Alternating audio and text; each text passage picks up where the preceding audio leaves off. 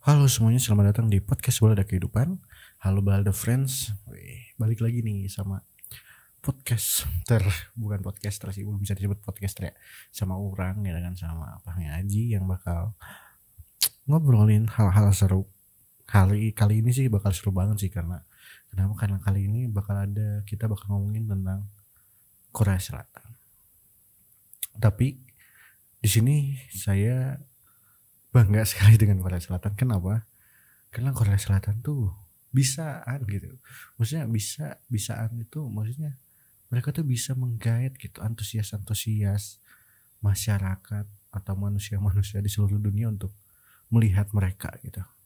Entah itu dari K-pop uh, boy band atau girl band entah itu dari fashion entah itu dari elektronik Samsung terus entah itu dari apa namanya dari perfilman. Nah kali ini orang ngebahas bakal bahas masalah perfilman Korea.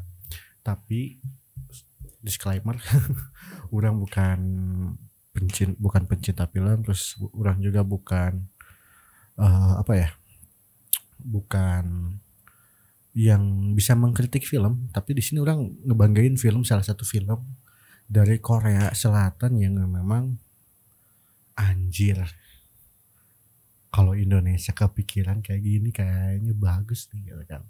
Anjir ini produsernya pinter-pinter amat gitu. Tidak lain tidak bukan kalian pasti sudah tahu sih filmnya. Eh series ya seriesnya series apa gitu. Ya series dari Netflix ya itu Squid Game yang masih top 10 sampai sekarang di Netflix. Kenapa orang mau bahas itu? Pertama gila sih ini film gila meskipun orang udah pernah uh, series yang sama kayak Alice in Borderland gitu tapi ini gila sih Squid Game gila.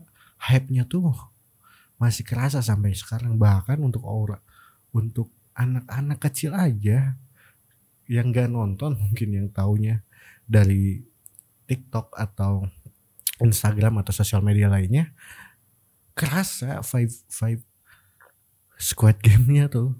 Gila sih emang gila kenapa bisa gila? Uh, karena squad game tuh pertama yang orang suka dari squad game ya. Pertama alur ceritanya keren sih. Meskipun agak klise dan menurut orang pribadi agak mudah ditebak karena sering nonton yang kayak gitu. Terus yang kedua tuh alur ceritanya keren sih meskipun mudah ditebak. Terus yang kedua tuh pemerannya sangat keren keren sekali sangat anjir ini pemerannya kok menghayati banget gitu beda gitu sama film-film lain gitu. Ya overall sih artis-artis Korea sih emang pada bagus sih ya aktingnya. Terus yang ketiganya dari uh, skripnya bagus juga dari angle-angle filmnya gitu kan. Uh, adegan tiap adegannya bagus itu dan yang lebih serunya yang lebih uniknya itu Korea aduh ini sih yang orang paling suka nih Korea tuh dari Korea Selatan tuh dari Korsel dari film Squad Game yaitu permainan anak. Hah? Kenapa? Kenapa permainan anak? Permainan tradisional anak Korea Selatan gitu maksudnya. Kenapa? Kenapa itu yang menjadi hal yang orang banggain, hal yang orang bilang eh, itu keren banget sih produsernya keren banget sih. Kenapa? Karena dari situ kita jadi apa ya namanya? Jadi tahu permainan tradisional Korea gitu dan itu pun dipakai sama anak-anak sekarang ya. yang lampu merah lampu hijau tuh yang boku hanya himida ya yang gitu kalau nggak salah gitu ya lupa lupa orang dan itu dipakai sama anak kecil sekarang gitu dan banyak banget di real saya lihatnya di reels Instagram sih. Di reels Instagram yang anak-anak para wibu para remaja gitu yang mainin game kok permainan tradisional Korea itu gitu. Impactnya tuh sangat gede banget gitu apalagi di Indonesia gitu. Dan mereka tuh target marketnya tuh bisa gitu. Kok bisa? Itu sih yang kurang patut bangga dari Korea Selatan yang emang dari awal pertama Samsung kalau nggak salah. Samsung yang mulai menjadi media elektronik dan presidennya itu siapa nggak tahu. Lupa orang juga lihatnya dari Ferry Ir- Irwandi tidak terlalu menyimak tapi yang satu yang satu orang tahu bahwa orang Korea wajib memakai produk Korea Selatan gitu kan. Dan itu sampai sekarang. Dan berlaku di film Squid Game Netflix.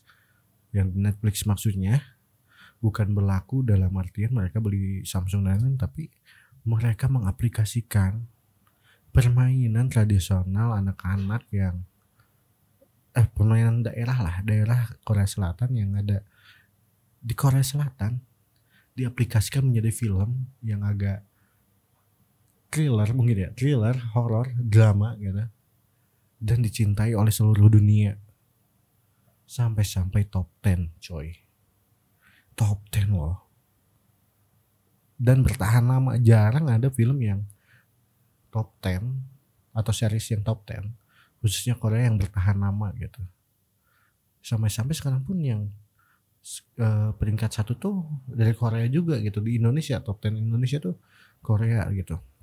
Eh, kalau nggak salah itu Hometown Caca sama ya itu eh, Squid Game dan Money Heist pun yang orang lihat eh, udah nggak top 10 kalau nggak salah. Padahal kan Money Heist adalah film yang gila sih ngeri sih ya. Ngajak berpikir gitu kan.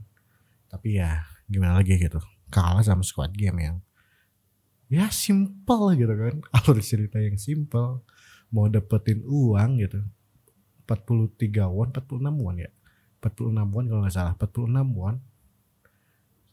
Terus cuma harus bermain gitu meskipun dibunuh-bunuh juga sih agak ngeri sih. Tapi ya itu gitu sampai-sampai ada eh, apa ya sampai-sampai saking hype-nya gitu saking vibes-nya bagus Squid Game ada filter Instagramnya.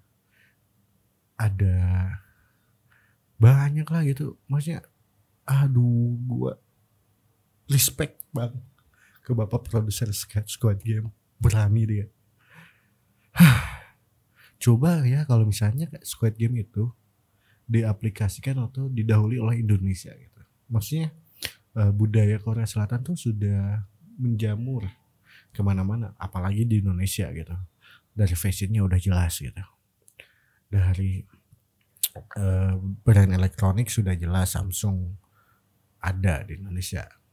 Dari musiknya sudah jelas BTS, Blackpink, NCT dan lain-lain banyak lah gitu. Kenapa gitu? Dari Indonesia tuh nggak bisa gitu. Gak bisa bikin kayak gitu. Gitu. Bukan maksudnya orang apa ya? Tidak ada maksudan untuk menjelek-jelekan seseorang gitu. Di cuman orang di sini beropini aja gitu beropini aja gimana gitu kalau Indonesia dibikin bikin film kayak Squid Game gitu. Tapi ya bukan sekarang-sekarang sih agak ngejiplak sih ya kalau sekarang-sekarang gitu. Maksudnya bikin lah gitu. Yang ada budaya-budaya Indonesianya gitu kan. Yang ada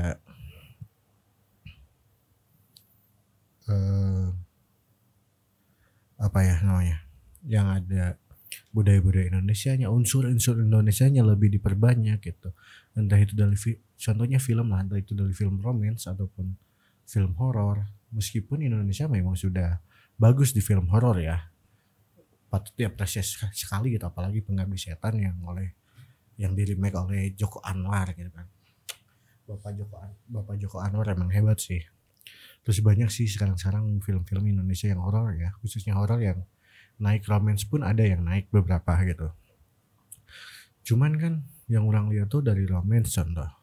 Di romance tuh kita tuh lebih mengikuti gaya film barat kalau nggak salah. Kalau kalau yang orang lihat gitu dari sebuah film romance gitu. Drakor pun ya mungkin agak sama sih.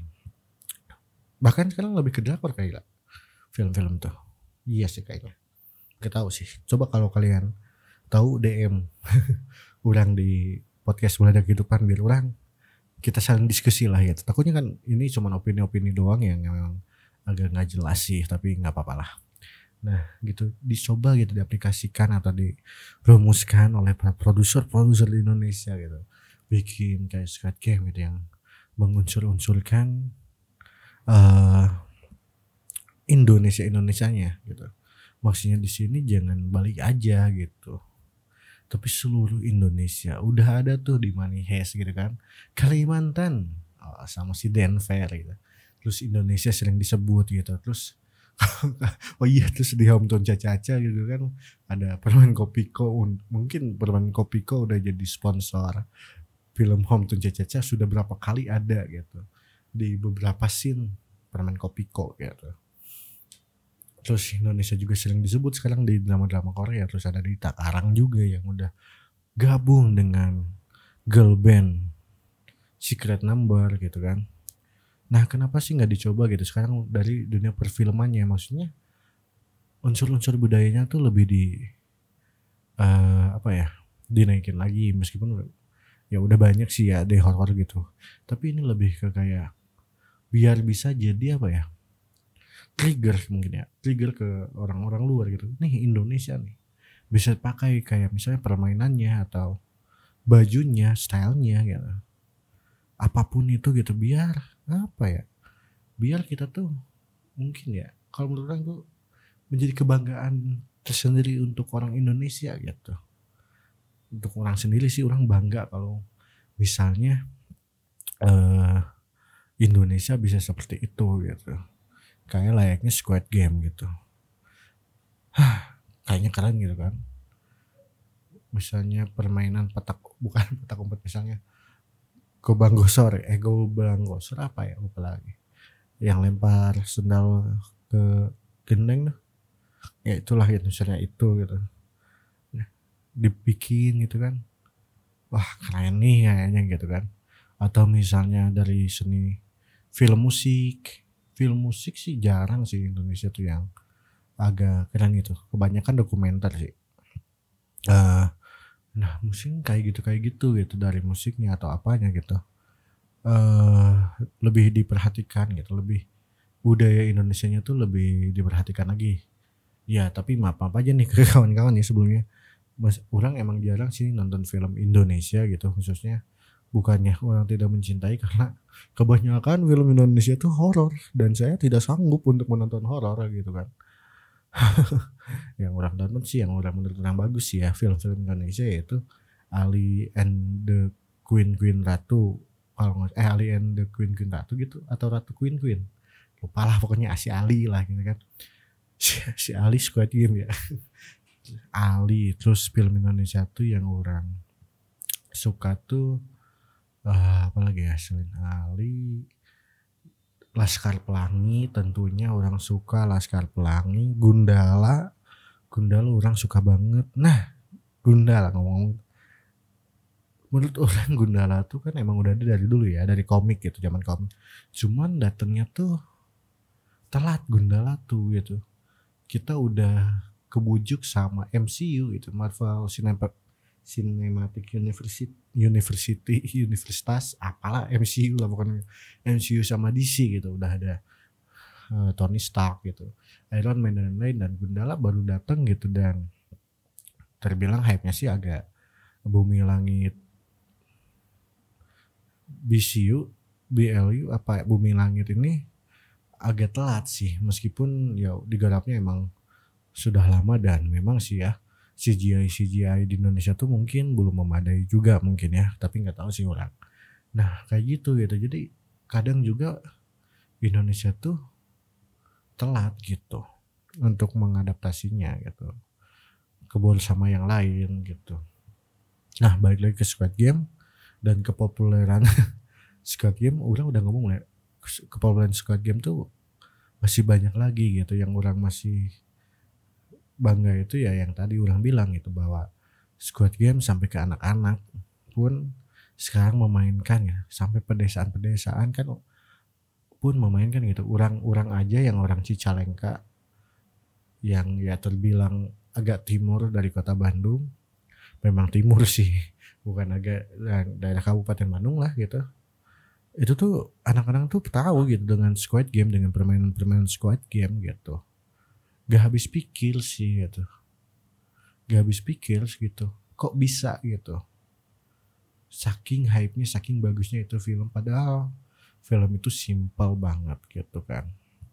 Ya mungkin itu sih yang orang mau bahas sih dari kepopuleran Squid Game yang mungkin bisa ada bisa diadaptasi oleh produser-produser. Produser nggak sih sebutnya ya? Nggak tau lah. Sabodo produser-produser Indonesia gitu yang ya budayanya gitu lebih digali lagi lebih jangan horor mulu lah gitu bosen. Karena orang gak suka horor gitu.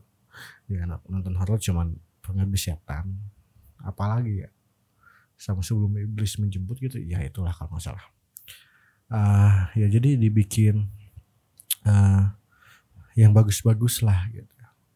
Orang menantikan film-film Indonesia atau budaya-budaya Indonesia atau apa pun itu Indonesia bisa menjadi uh, bisa dilirik lah setidaknya oleh Asia Asia gitu Asia lah dulu dan bisa fashionnya atau apa pun itu bisa dipakai atau bisa diikuti oleh negara-negara yang ada di Asia ini gitu.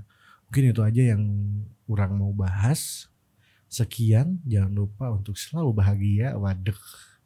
Dan jangan lupa follow Instagramnya podcast Baladak Kehidupan. Kalau ada saran atau kritik, silakan DM aja ya. Terima kasih semuanya.